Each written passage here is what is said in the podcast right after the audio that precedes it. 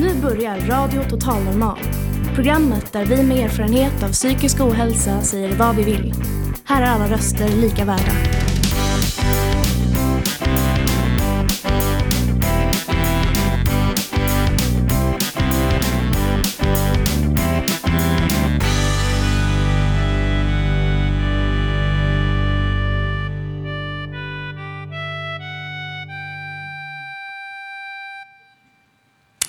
Hej och hjärtligt välkomna till Radio Total Normal, ditt psyke i etern.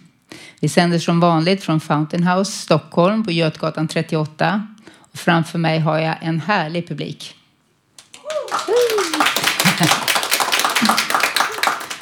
Idag ska vi ha en specialsändning på temat metoo som många av er kanske har hört talas om under hösten. För er som inte har det är det en så kallad hashtag som skapades i sociala medier för att uppmärksamma hur omfattande mäns härskartekniker såsom sexuella trakasserier, övergrepp, diskriminering och maktmissbruk är mot kvinnor. Vi här på Total Normal vill inte vara sämre. Vi tog initiativet och började samla in till ett eget upprop redan innan jul och när vi som bäst höll på fick vi reda på att tidningen Revansch, som är RSMHs tidning, gjorde detsamma. Så nu har vi gått tillsammans med dem i ett upprop.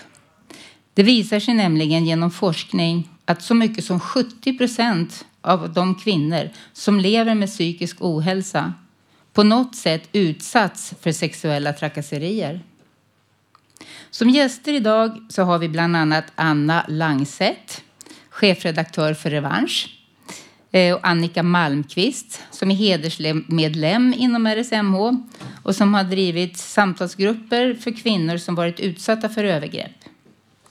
Vi har även Caroline Magi från föreningen Tillsammans som stöder de som har utsatts för sexuellt våld.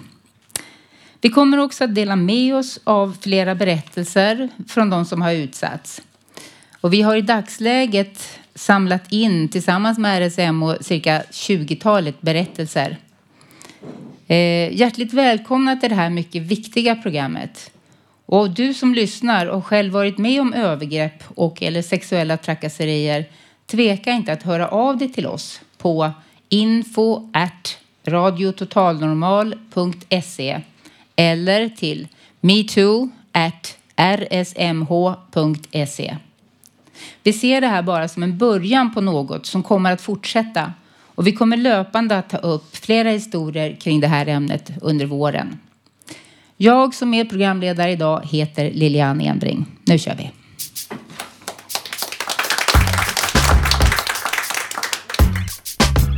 Lucy Lou, with my girl Drew.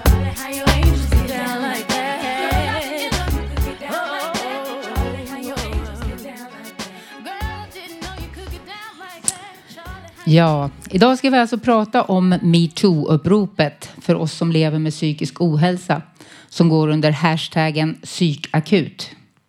Det finns forskning på att många som har psykisk ohälsa även har varit utsatta för just sexuella övergrepp, våld och trakasserier. Det är inte alldeles ovanligt att sexuella trakasserier och övergrepp också sker inom psykvården. Nu ska ni få höra en första berättelse som handlar om just detta. Jag blev inlagd på en psykavdelning på grund av att jag var deprimerad och satt ensam i ett rum på avdelningen. Då kom en anställd in och satte sig mitt emot mig. Han flyttade närmare och närmare och började snart att ta på min kropp. Jag kunde inte tro att det hände. Ändå var jag så ur kraft att jag inte kunde yttra ett ord eller försvara mig själv. Till sist kom en annan personal in och då låtsades den här mannen som ingenting hade hänt. Senare sa jag till en annan vårdbiträdare att den där mannen hade antassat mig. Han pratade då med överläkaren som sa att jag borde skriva en formell anmälan och det gjorde jag. Ångesten i mig byggdes upp och nästa morgon så gick jag tillbaka till det rummet där det hade hänt och var jättearg. Jag var arg på honom för att han gjorde det och på mig själv som inte ens orkade säga ifrån. Jag tänkte på det och tittade på det stora fönstret i rummet som hade en kedja och hänglås på. Jag kunde se att jag kunde ta mig ur om jag ville. Jag ville visa att det fanns ingen säkerhet i deras lås. Jag kom ut och stod på taket på sjukhuset. Personalen på avdelningen mitt emot såg mig där och cirka fem skötare kom ut och försökte få mig in. På grund av det som hade hänt ville jag inte att någon skulle röra vid mig och jag sa att jag var villig att gå inom mig själv. Detta lyssnade de dock inte på utan tog tag i mina armar och ben och bär in mig på avdelningen och gav mig en spruta i skinkan. Sedan flyttade de mig till en annan avdelning. Våning för kraft, kraftigt psykotiska patienter. Till min förskräckelse såg jag att den tafsade mannen jobbade just där. Han hade varit extra vak på den lugna avdelningen.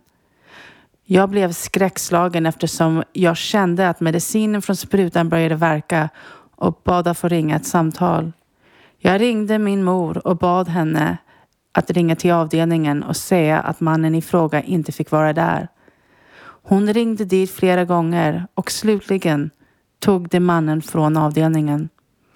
Detta gjorde dock att resterande personal inte blev särskilt väl inställda till mig eftersom jag satt, sa till att eh, deras kollega hade fått gå. Jag var så pass medicinerad att jag inte ens klarade av att äta på egen hand. Jag hade hjälp med detta och den som matade mig pressade ner köttbullar i halsen på mig. Trots att jag var vegetarian. Sköt, sköterskan som var ansvarig för medicineringen sa att mannen som tafsade på mig har en fru och flera barn och skulle inte vara ett dugg intresserad av mig. Hon hotade med att ge mig fler antipsykotiska sprutor i sömnen och sa att då kan de tafsa på mig hur mycket de vill och jag kan inte anklaga någon för något. Överläkaren på avdelningen frågade vad som hade hänt och efter att jag berättade det så förklarade hon att jag var förvirrad och att det inte hade hänt. Vid två andra tillfällen var det samma sak. Jag förstod att för att få komma ut från avdelningen krävdes det att jag godtog det hon sa. Jag sa att jag mådde bättre, förstod att jag var i behov av deras vård och att jag måste ha varit förvirrad. Jag fick signera ett papper angående det och fick därmed reducering av medicinerna så att jag fick återvända till den lugna avdelningen. Sedan dess bestämde jag mig för att aldrig mer hamna på det sjukhuset. Jag blev dock kraftigt psykotisk en annan gång. Min son tog beslutet att lägga in mig på just det sjukhuset igen eftersom han inte visste att det fanns, om det även fanns någon annan psykakut i närheten. Jag kände mig livrädd där eftersom jag inte litade på dem. Och det gjorde att min psykos eskalerade och jag blev till en riktig, det blev till en riktig mardröm. Där jag bland annat trodde att det torterade min son och att jag själv skulle bli kvar där för alltid. Jag hade tappat talförmågan, tid och rumsuppfattningen och vet inte vad som händer under de dagarna. Efter några dagar flyttas jag till ett annat sjukhus och där fick jag hjälpen jag behövde.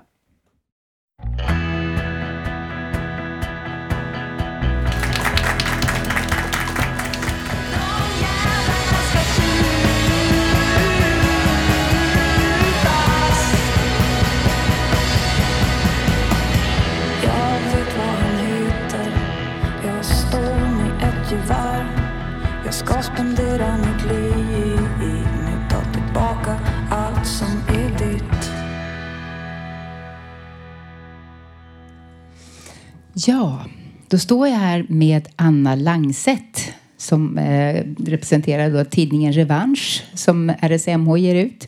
Alltså Riksförbundet för social och mental hälsa, för de som inte vet. Eh, ja, vill du berätta lite grann om det här metoo-uppropet som ni gör och hur ni startade det hela, hur det kom igång? Absolut. Mm.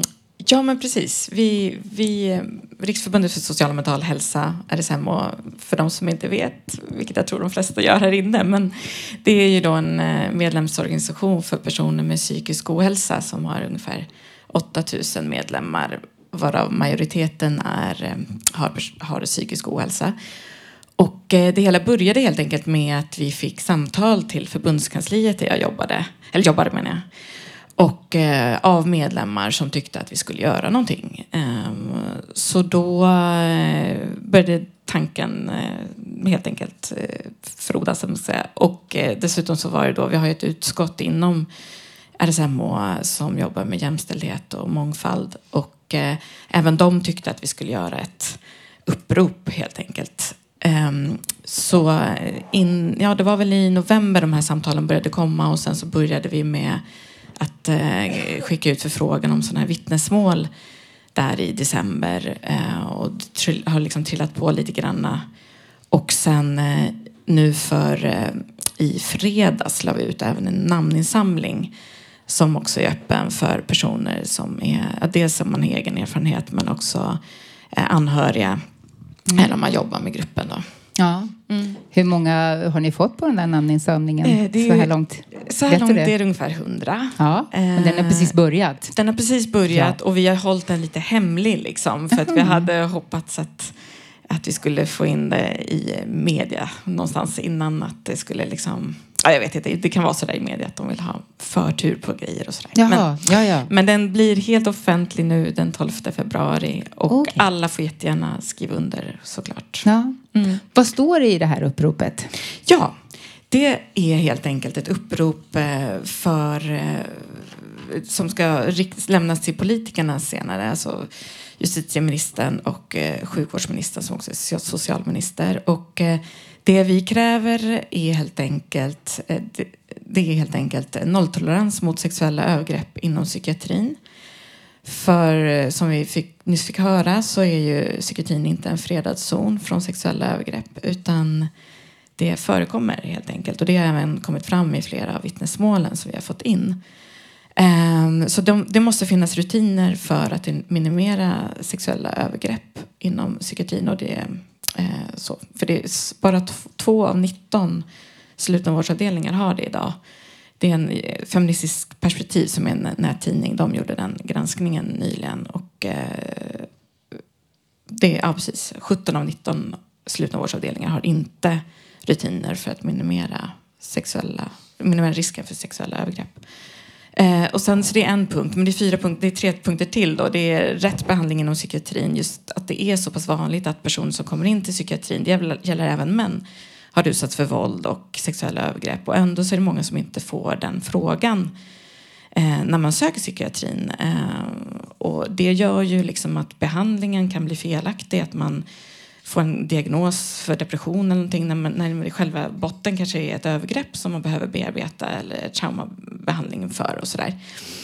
Och sen så är det också vanligt att personer som då redan har psykisk ohälsa sedan tidigare om man har psykisk funktionsnedsättning så behöver man kanske en annan typ av traumabehandling om man redan haft psykisk funktionsnedsättning och har dessutom fått ett trauma efter det så förvärras ju det tillståndet och den här vad jag förstått det som så fungerar inte den här traumabehandlingen som finns idag för personer med psykisk funktionsnedsättning. Man behöver liksom arbeta på ett annat sätt. Eh, och det behövs tas fram en sådan. Eh, och sen så också rättvisa rättegångar. Det måste finnas specialistkompetens inom, inom juridiken för att annars kan då trauma och psykisk funktionsnedsättning misstolkas som att man inte anses vara trovärdig. Mm. just för att man kanske berättar osammanhängande eller sådär.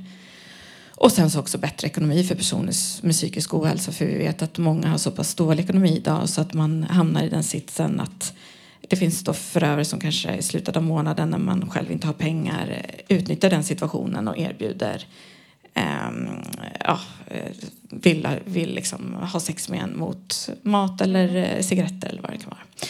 Så det är de fyra punkterna. Som, mm. Det var väldigt viktiga punkter. Eh, ni, ni, har verkligen fångat in väldigt mycket av problematiken tycker jag. Eh, är, kan man bevisa på något sätt att eh, människor med psykisk ohälsa att de har lättare att bli utsatta för sexuella trakasserier och, och våld, sexuellt våld? Va, Finns det någon eh, forskning på det? Ja, alltså det, jag, det är väl lite o, liksom omtvistat vad som är hönan och ägget, man ska mm. säga. För att många, som sagt, får ju psykisk ohälsa av att bli utsatt. Ja. Så det, vi, det, man vet är att eh, det är väldigt vanligt att personer som hamnar inom psykiatrin har varit utsatta. Och mm. Anita Bengtsson Tops, hon eh, gjorde ju en studie, den, är ganska den har några år på nacken men vad jag har förstått så är det den liksom mest omfattande studien som gäller just våran grupp. Och, eh, alltså personer med psykisk ohälsa. Och den tar upp 1382 kvinnor som vårdas inom öppen och slutenvårdspsykiatrin. Och det här var i Skåne då man gjorde som en stor enkätundersökning och då av dem så är det 70 procent som har varit utsatta. Men då vet man som sagt inte om de har hamnat där på grund av att eh, man har varit ut, alltså att man hamnat i psykiatrin på grund av att man har haft kanske utsatts för sexuella övergrepp i barndomen Just. eller som vuxen. Men det som är också intressant är att hon tar ju upp att senaste året har så många som eh, 47 procent utsatts för eh, våld i olika former. Eh, alltså, det kan också vara verbala kränkningar och så vidare. 47 procent av, av, De, här, de här personerna eh, som, har, som, som har, psykisk ohälsa? Som, har, som har psykisk ohälsa mm. och som har uppgett att de har utsatts mm. eh, för sexuella övergrepp eller våld. Eller sexuellt våld.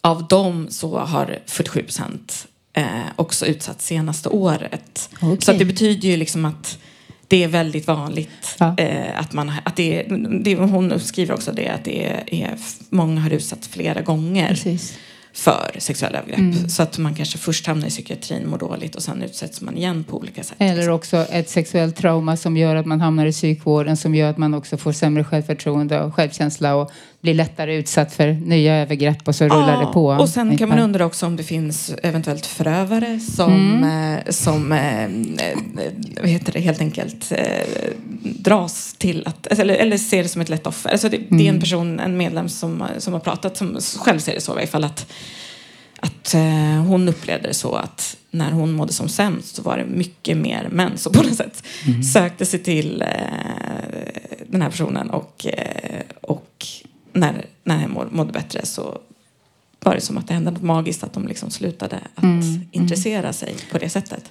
Hon kan ses som ett lätt offer kanske. Precis. Och det, det sorgliga är ju att inom psykiatrin där det verkligen ska vara en trygghet och man ska kunna tillfriskna från de här övergreppen och, och trakasserierna att det, inte ens den platsen är trygg. Precis. Eh, jag vet att det kommer ut ett nytt nummer av Revansch nu på måndag, va? Stämmer ja, det? det stämmer. Ja. Eh, vad kommer den att innehålla? Flera berättelser kanske eh, från verkligheten? Precis, fler berättelser. Intervju med Anita Bengtsson Topp som då gjort den här studien och eh, intervju med Paulina som eh, som har varit utsatt och eh, börjat må bättre och eh, kan förklara hur det gick till. Mm, härligt. Ja. Då tackar jag dig så hemskt mycket. Tack så mycket. kom Hej. hit. Tack.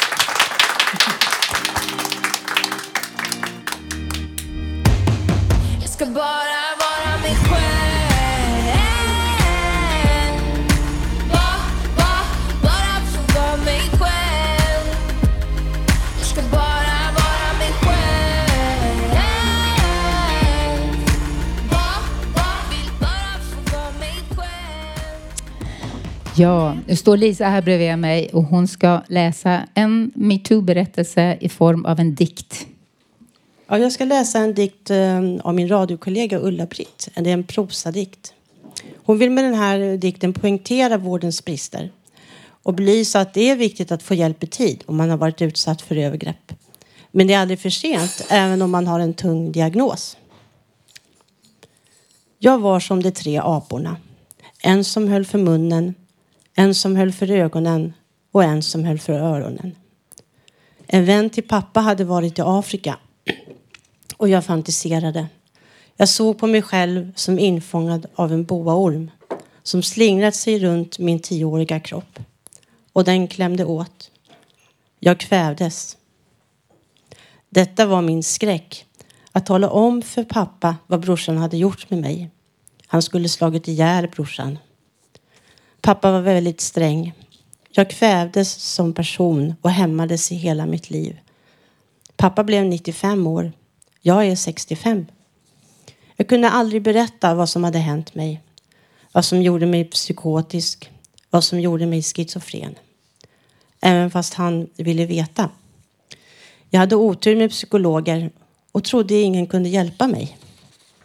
En vän sa till mig då jag var 50 år.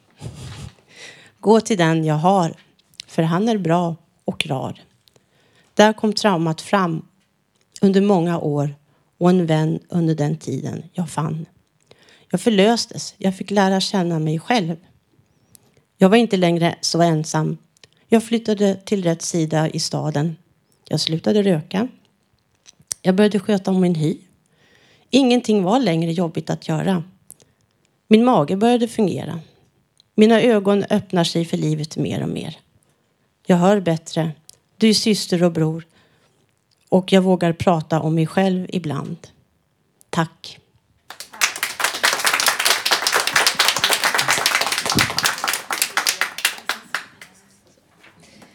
Eh, nu ska vi få höra ytterligare ett vittnesmål om hur sexuellt våld kan påverka ens liv.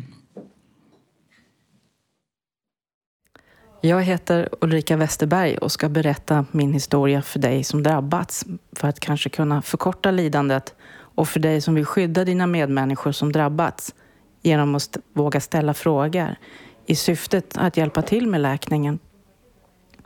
Jag var 17, jag var full och han var stor, tung, så jag hade inget sätt att försvara mig. Alkoholen gjorde att jag inte hade kontroll över min kropp när han puttade ner mig på en säng i huset där det var fest. Han var 26 och jag var smickrad att han uppvaktade mig. Så jag flörtade tillbaka men hade inte en tanke på att ha sex. När jag insåg att jag inte kunde komma undan reagerade min kropp med att spela död då jag varken kunde slåss eller fly. Jag skämdes för att jag blev våldtagen. Berättade ingenting för någon kommer ihåg då jag tänkte att ja, eftersom jag inte känner något efter det som hänt, då har jag inte heller tagit skada av det. 30 år senare kom känslorna ikapp. Med andra traumatiska händelser i mitt liv präglades jag att bli känslomässigt avstängd. Jag har alltid trott att jag på ett medvetet sätt valt att inte ha barn, familj, nära vänner men förstå nu att minnena har varit för smärtsamma att hantera och nära relationer har blivit hotfulla. Med risk att bli påmind om det smärtsamma. Att återuppleva skammen, skulden och äckligt för min kropp som blev besudlad. När jag blev för utmattad av att, un att omedvetet undvika minnena kunde jag inte förstå vad som hände mig Mardrömmar, flashbacks och en enorm rädsla för främlingar drev mig in i dissociation och jag trodde jag skulle bli permanent vansinnig, rädd 24-7.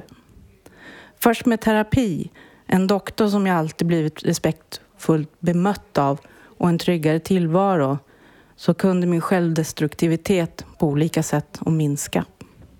Jag önskar ingen det jag har erfarit. Det har varit ett helvete.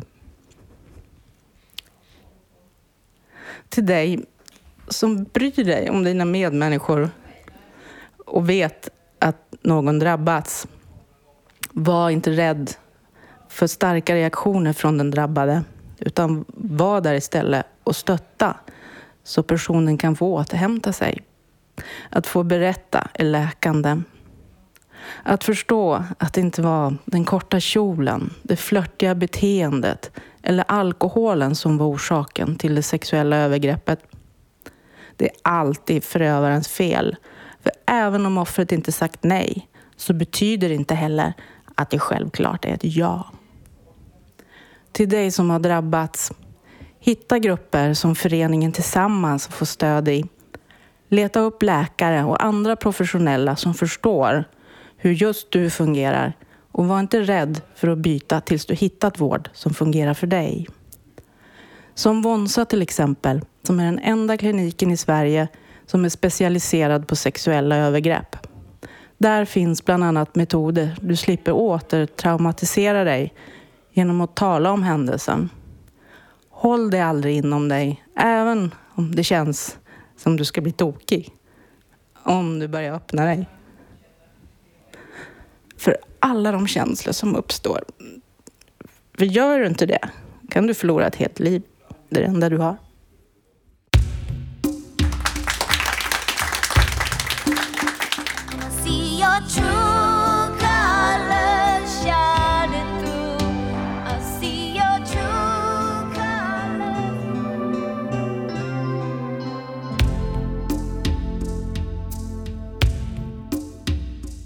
Ja, då har jag Annika Malmqvist här bredvid mig som är hedersmedlem i RSMH. Och jag vet att du har drivit många kvinnogrupper med genusperspektiv och där de som har varit med i de här grupperna har fått dela sina erfarenheter av sexuella övergrepp. Eh, Kan du berätta lite om ditt arbete? Ja, det gör jag gärna. Eh, Jag tycker idag att det är väldigt roligt att tiden är mogen. Och det har varit en lång startsträcka. Eh, år 1995 fick RSMH ett eget kvinnoutskott. Eh, och vi sökte pengar och fick medel att driva, driva tre olika nationella kvinnoprojekt på tre år vardera. Och då eh, visade det sig att det var som att öppna dammluckorna verkligen. Det blev kolossalt mycket gensvar. Vi jobbade mycket i smågrupper med kvinnor och då hade vi ett eget program som vi hade egentligen knyckt från anonyma alkoholister. Men vi gjorde ett eget tolvstegsprogram för att det skulle passa våra kvinnor. Så eh, man gick undan, man pratade i smågrupper, man kom tillbaka. Typ självhjälpsgrupp.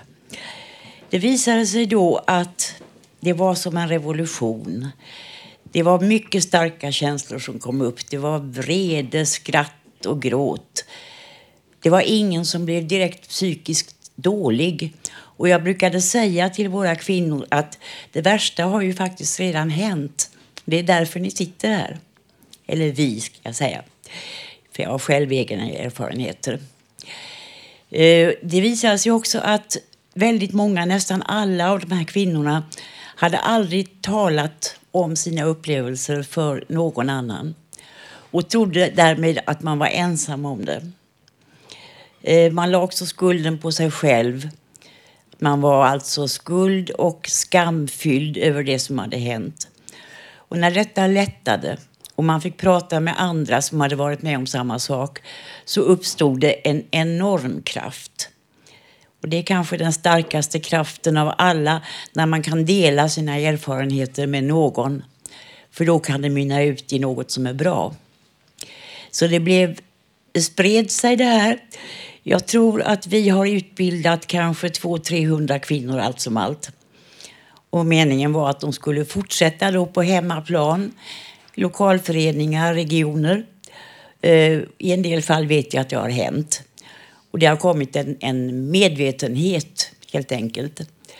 Eh, idag när vi har det här metoo-uppropet så eh, är det väldigt roligt att kunna konstatera att vi faktiskt hade ett eget metoo redan på 1990-talet. Även om vi inte hade eh, den möjligheten att, att gå ut social... Det, det, fanns ju, det var ju mera i datorernas barndom. Det fanns inte sociala medier, medier på samma sätt.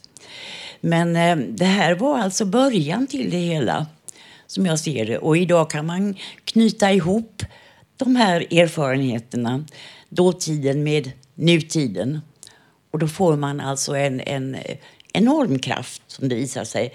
För att det är så att det svåra man har varit med om, lidandet, det är ungefär lika starkt som den kraften som kommer när man samlas och pratar om det, eh, gör någonting för att bli hel. Det blir alltså över hela linjen en väldigt stor kraft. Först ett lidande, sen eh, metoder för upprättelse och människovärde. Och det tycker jag är det viktigaste vi kan syssla med i det här arbetet. Eh, det gäller RSMH, men det gäller överhuvudtaget eh, alla som har psykisk ohälsa eller och eller har vårdats inom psykiatrin. Övergreppen kommer överallt. De kommer kanske bland anhöriga, kommer i hemmet, skola, yrkesliv. Det är i, i psykiatrin. Det är otroligt vanligt i psykiatrin, det vet jag av egen erfarenhet. Och eh, RSMH är inte heller fritt från det här. Det förekom, har förekommit en, en hel del sådant också hos oss, tyvärr. Det verkar som att vissa människor, och då talar jag om förövare, eh, dras till såna här sektorer där det samlas människor som eh, i ett underläge. Och då kan alltså utöva makt. För man ska komma ihåg också att sexuella övergrepp är egentligen, handlar egentligen om makt. Och att trycka ner den som är svag. Eh, man kan ju fråga sig vem som är svagast egentligen. Offret eller förövaren. Men eh, det vanliga är ju att man inte vågar berätta när man har varit utsatt. Just för att man är i beroendeställning.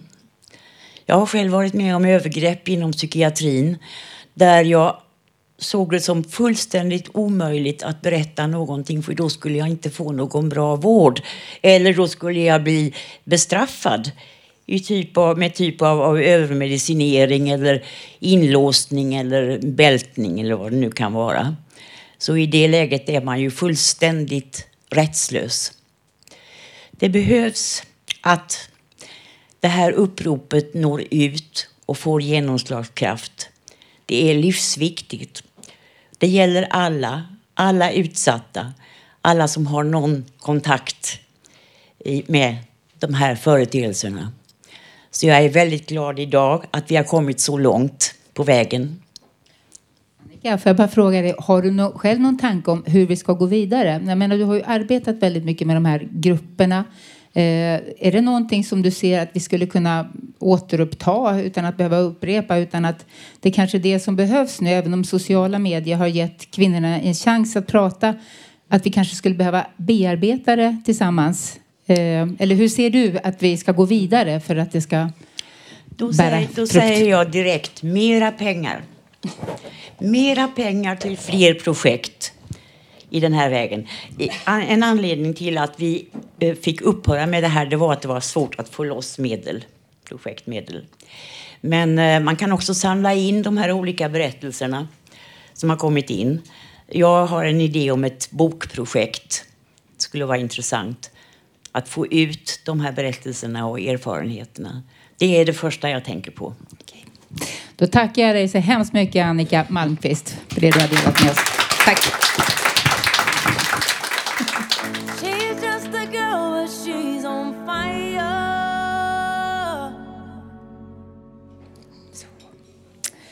Ja, välkomna tillbaks efter pausen. Eh, vi ska börja med ytterligare ett vittnesmål, en inspelad och det kommer från mitt eget liv.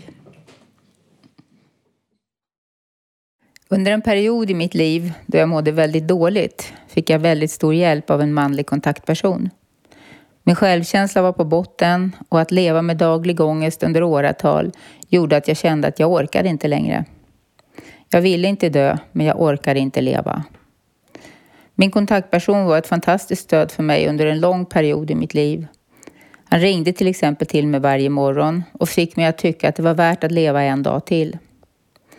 Han var väldigt kärleksfull och sa även att han älskade mig. Och jag var så svältfödd på kärlek ända från barndomen att jag trodde på varje ord han sa. Det klassiska ”min fru förstår mig inte” blev för mig ett löfte om äktenskap och evig kärlek. Att han var dubbelt så gammal som jag utgjorde inget hinder för mig. Vi inledde ett sexuellt förhållande, men det var alltid på hans villkor. Så småningom började jag må bättre och därmed också ifrågasätta vår relation. Jag kom ganska snabbt till insikten att han aldrig hade haft för tanke att skilja sig eller att gifta sig med mig eller ens ha ett långvarigt förhållande. Jag kände mig oerhört sviken och utnyttjad. Jag hade varit så starkt beroende av honom och litat på honom. Och han hade också betytt väldigt mycket för mig och mitt tillfrisknande. Det var också detta, att han var både så att säga ond och god, som gjorde det så svårt för mig att se klart på situationen och sätta gränser.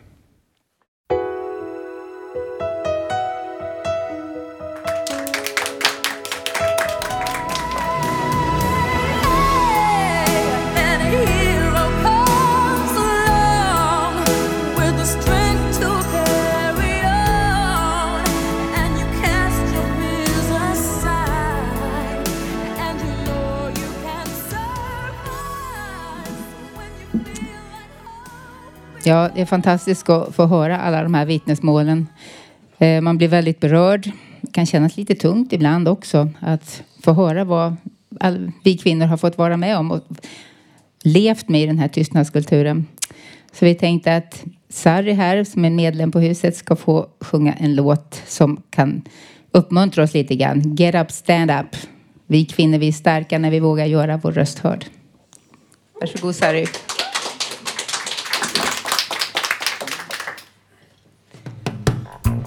Turu param tara tara. Get up, stand up, stand up for your rights. Get up,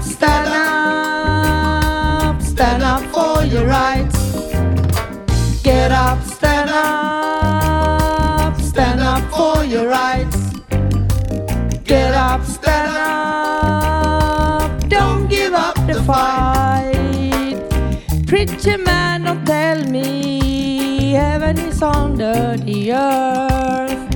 I know you don't know what life is really worth. It's not all that glitter is gold. Half the story has never been told, so now you see the light. Stand up for your right. Come on, get up, stand up. Stand up for your rights. Get up, stand up. Don't give up the fight. Get up, stand up. Stand up for your rights. Get up, stand up. Don't give up the fight. Most people think that God really come from the skies. Take away everything and make everybody feel high. But if you know what life is worth, you will look for yours on earth. And now you see the light. You stand up for your rights. Come on, get up, stand up. Stand up for your rights. Get up, stand up. Don't give up the fight. Get up, stand up. Stand up for your rights.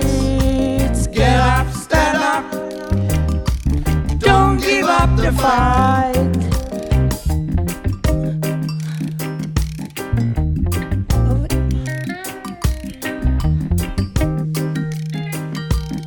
Oh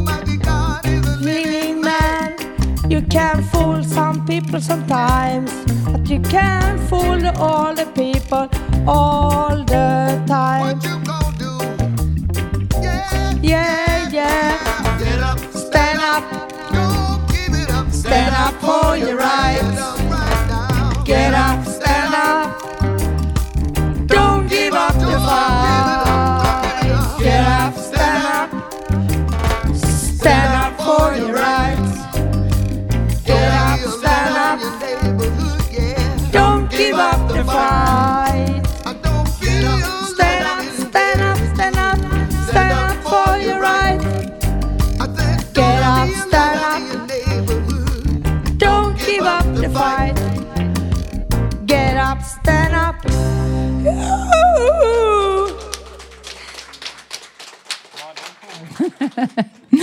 Eh, Anna står här bredvid mig, en medlem som ska berätta en annan metoo, eh, vad säger man, berättelse. Eh, det är inte hennes egen, men hon läser upp den. Mm. Det hände för drygt två år sedan. Jag var ensam på övervåningen i gamla kyrkskolan där jag jobbade. Jag höll på att stoppa undan noter till barockmusik. Då kom den äldre musikdirektören gående upp för trappan. Han gick fram till mig, sträckte fram händerna mot mina bröst och sa mm, jag tar på dina bröst. Jag skrek det får du inte och slog ifrån mig hans händer. Han sa Madame har uppvaktat mig och där säger jag stopp. Men med dig kan jag tänka mig en fortsättning. Jag skrek jag är upptagen och vill inte vara otrogen mot min pojkvän. Sen lämnade jag noterna i en hög, hållde mig förbi honom och gick fort därifrån. Ett par dagar tidigare hade jag varit och provsjungit i församlingens körer. För jag hade hoppats på att komma med i en bättre kör. En vecka efter att han antastat mig fick jag e-post från den andra organisten, Madame, om att jag hade blivit antagen till en kör. Jag blev så glad. Men när jag kom dit upptäckte jag att det var en kör som han ledde. Och det enbart med damer 75 plus som inte kunde sjunga. Det var inte alls vad jag tänkt mig. Jag gick snart därifrån. Efter den händelsen gör jag allt jag kan för att undvika honom. Jag försöker vara på jobbet på tider när han inte är där. Jag jobbar ofta eftermiddag, kvällar och helger. Jag har även lyckats få in en fot i köket som ligger i en annan byggnad. Jag har berättat det för kyrkoherden. Men han tycker inte vi ska göra någonting eftersom denne man ändå snart ska gå i pension.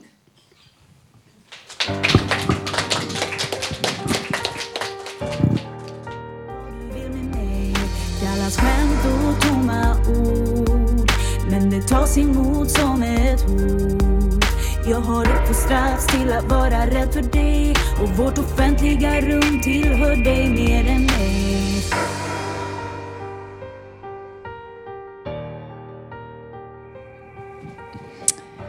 Ja, vi har ju ytterligare en gäst här i sändningen ikväll, eller idag, dag rättare sagt.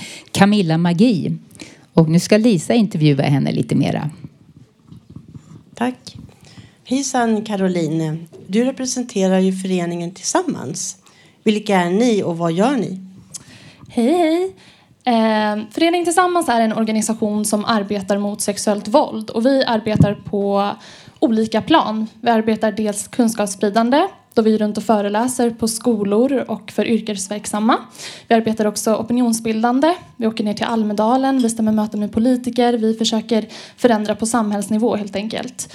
Och så bedriver vi också en stödverksamhet där vi får möta eh, utsatta för sexuellt våld. Och då har vi stödgrupper eh, i Göteborg och Stockholm. Vi har också en stödmail och mentorer runt om i landet som fungerar som förebilder helt enkelt för stödsökanden. De bör också på erfarenheter av eh, sexuellt våld. Vi har ju sett i Sverige och världen under det här förra året att metoo-rörelsen har fått många reaktioner. Varför, varför tycker du att det är så viktigt att uppmärksamma det här? Jo, länge har utsattas röster tystats ner och deras berättelser har bagatelliserats. Mycket på grund av skadliga, felaktiga föreställningar om vad ett sexuellt övergrepp är, vem som begår de här brotten och också vilka det är som utsätts. Och de här stereotypa bilderna av att det skulle vara en slags grupp män, ofta äldre, ja men äckliga, gärna med utländskt påbrå. De här bilderna de stämmer inte överens med verkligheten. Och det innebär ju i sin tur att de utsatta inte kan identifiera sig med de här stereotypa bilderna och därför inte söker hjälp. Och de flesta övergreppen de sker ju av någon i ens närhet, ofta i hemmet eller på arbetsplatsen. Och det bekräftar verkligen metoo-upproret. Eh, och metoo det är ju verkligen en social revolution, en eh, historisk vändpunkt. Och det kommer alltid att finnas ett före och ett efter metoo när vi pratar om sexuellt våld. Och är inte det lite häftigt? Mm, ja, verkligen. Eh, och så vill jag också bara säga det att... Woo! ja, precis. Att eh, kvinnor nu har vågat träda fram och delge omvärlden med sina berättelser. Det har lett till en ökad kunskap eh, och en ögonöppnare för många i allmänheten. Och, men också en bekräftelse på att både kvinnorörelsen hela tiden har stått och skrikit om. Att det sexuella våldet förekommer i alla samhällen och att det handlar om könsbaserat våld. Eh, vad har ni för... Vad kan, vad kan kvinnor göra för att stoppa sexuella trakasserier? Vad kan kvinnor göra? Jag skulle vilja ställa en motfråga där. Vad kan människor göra för att stoppa Ja. sexuella trakasserier? Absolut. Eller hur? Mm. Ehm, för det här det är ju inte en kvinnofråga, det är en människorättsfråga.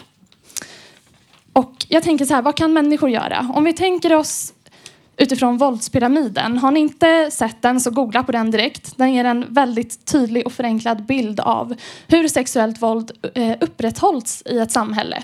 Längst ner har vi basen. Där ingår eh, sexistiska, homofoba, transfoba skämt. Där finns eh, ett problematiskt språkbruk och bemötande. Där finns också traditionella könsroller etc. Högre upp finner vi trakasserier, som metoo handlar om. Vi finner hot, vi finner psykiskt och fysiskt utnyttjande. Lite högre upp finner vi våldtäkt, vi finner misshandel eh, etc. Och högst upp i pyramiden finner vi mord. Och det här ger alltså en tydlig bild av hur, eh, hur våld fortgår i ett samhälle. Och om vi tänker så här, vi alla är en del av basen. Ingen är fri från ansvar när vi pratar om sexuellt våld. Det funkar inte att man säger att nej men det där, det får de där kvinnorna sköta. Utan vi alla har ett ansvar.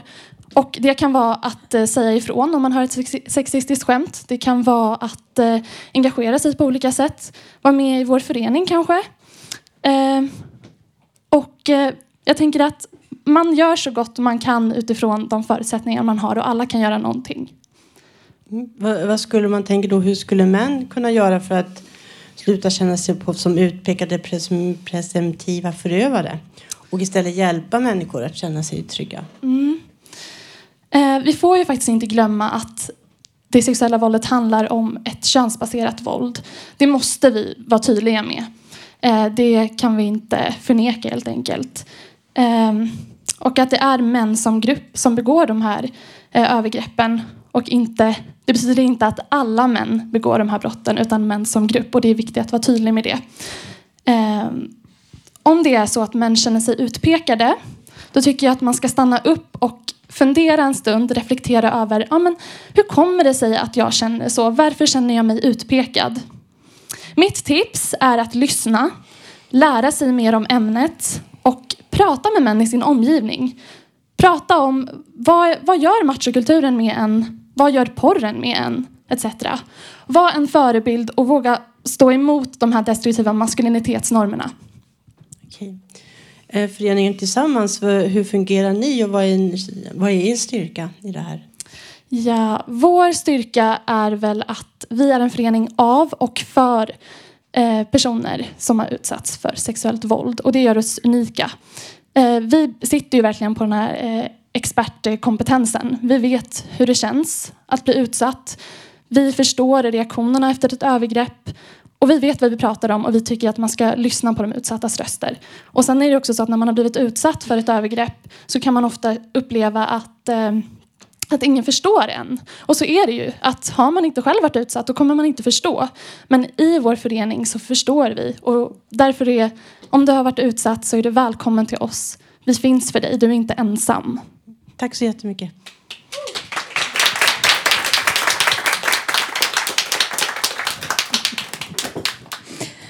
Tack. Nu ska vi få höra en sång av vår medlem Alice Lindgren som var med i radion för några år sedan. Låten heter Alien. En alien, ett tomt skal, ett öppet hål Äter ditt hjärta, jag lämnar själv ett vittnesmål Hugger långsamt ryggen i smyg Så säg mig, när behövs ditt sjukintyg Tär sönder förstånd Dödar allt fint Oh, nej.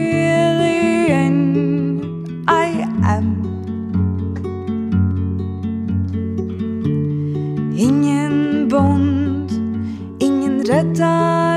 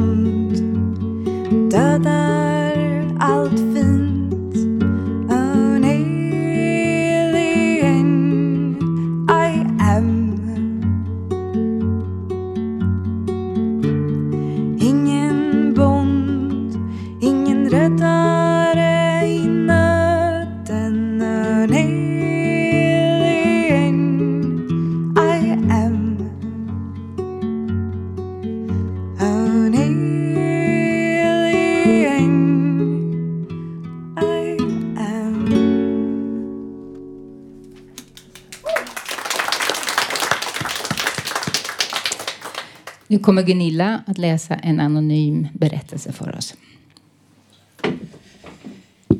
Jag ligger i sjukhussängen på en psykiatrisk avdelning för vuxna, fast jag bara är 17. Jag är neddrogad av starka mediciner. Jag vaknar av att en skötare som sitter vak på mig har böjt sig över mig när jag har sovit. Han tar på mig innanför kläderna. Jag förstår ingenting, stelnar till. Jag däckar ganska snart igen, sover en konstgjord sömn. Dagen efter vet jag inte vad det var som hände. Var det en dröm eller var det på riktigt? Jag säger inget till någon. Vill inte kasta runt lösa anklagelser. Han jobbar nästa natt också. Jag är inte lika drogad och är på min vakt. Det händer igen, samma sak. Den här gången är jag säker på vad som hände. Jag talar med två läkare om det här. Först jouren och sen på måndagen med avdelningsläkaren. Jag vill inte anmäla, inte då. Ville fortfarande skydda skötaren, han som är så snäll. Det konstiga är att när jag sen vill anmäla så skrev inte läkaren om det i journalen. Det finns inga datum. Avdelningsläkaren ger en luddig kommentar om att han inte hade uppfattat det på det sättet. Åtalet läggs ner. Jag talar med många patienter som upplever att journaler inte är till för patienterna utan för att skydda personalen.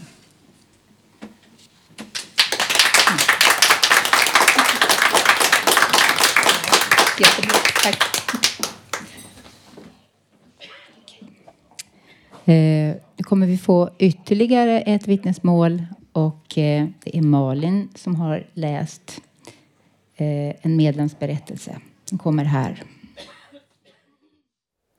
Efter att ha kommit ut som flata blev jag ofta utsatt för sexuella trakasserier och flera fall av sexuella hot. Den händelse som tagit mig hårdast är när en som jag såg som en vän hotade med att våldta mig. Vi var ensamma på en gård långt från någon annan och jag kände mig verkligen sårbar. Ingen bil eller cykel att undkomma på. Redan samma kväll berättade jag vad som hänt för andra som då skrattade åt mig och tyckte jag överdrev. Reaktionerna fick mig att tvivla på vad jag varit med om. Min skörhet gjorde att jag lyssnade på andra som, och började ifrågasätta min egen historia och vad jag kände. Idag har jag stora tillitsproblem och är rädd att bli utnyttjad av människor. Jag har dragit mig undan vänner om det blivit någon konflikt eftersom att jag trott att det varit mitt fel. Folk har kastat på mig. Vadå? Du är bara ett psykfall. Och då har jag trott på det själv och förminskat mig.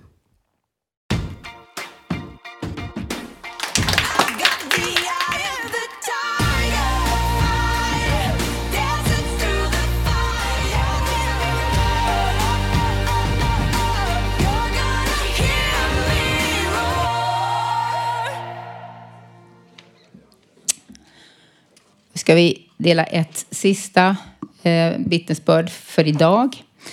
Eh, den är anonym och den låter så här. Under min första period inom slutenvården, inlagd för suicidprevention och svår panikångest, fick jag snabbt förtroende för min kontaktperson, den vårdare som tilldelades mig. Allt jag berättade för honom, mina erfarenheter, sårbarheter, använde han sedan för att manipulera och kontrollera mig. Han började göra närmanden, både fysiska och verbala, som så småningom övergick i övergrepp. Jag skämdes och mådde fruktansvärt dåligt och klarade inte av att prata om det förrän ett och ett halvt år senare. Eh, det finns flera berättelser och vittnesbörd utlagda på vår hemsida. Och ni kan också läsa och få, få, få se flera berättelser i nya tidningen av Revansch som då kommer ut nu på måndag. RSMHs egen tidning. Eh, och det här var allt vi hade att bjuda på för idag. Nästa livesändning kommer att bli den 22 februari. Och som sagt, det här är bara början till att lyfta upp och prata om detta stora viktiga ämne.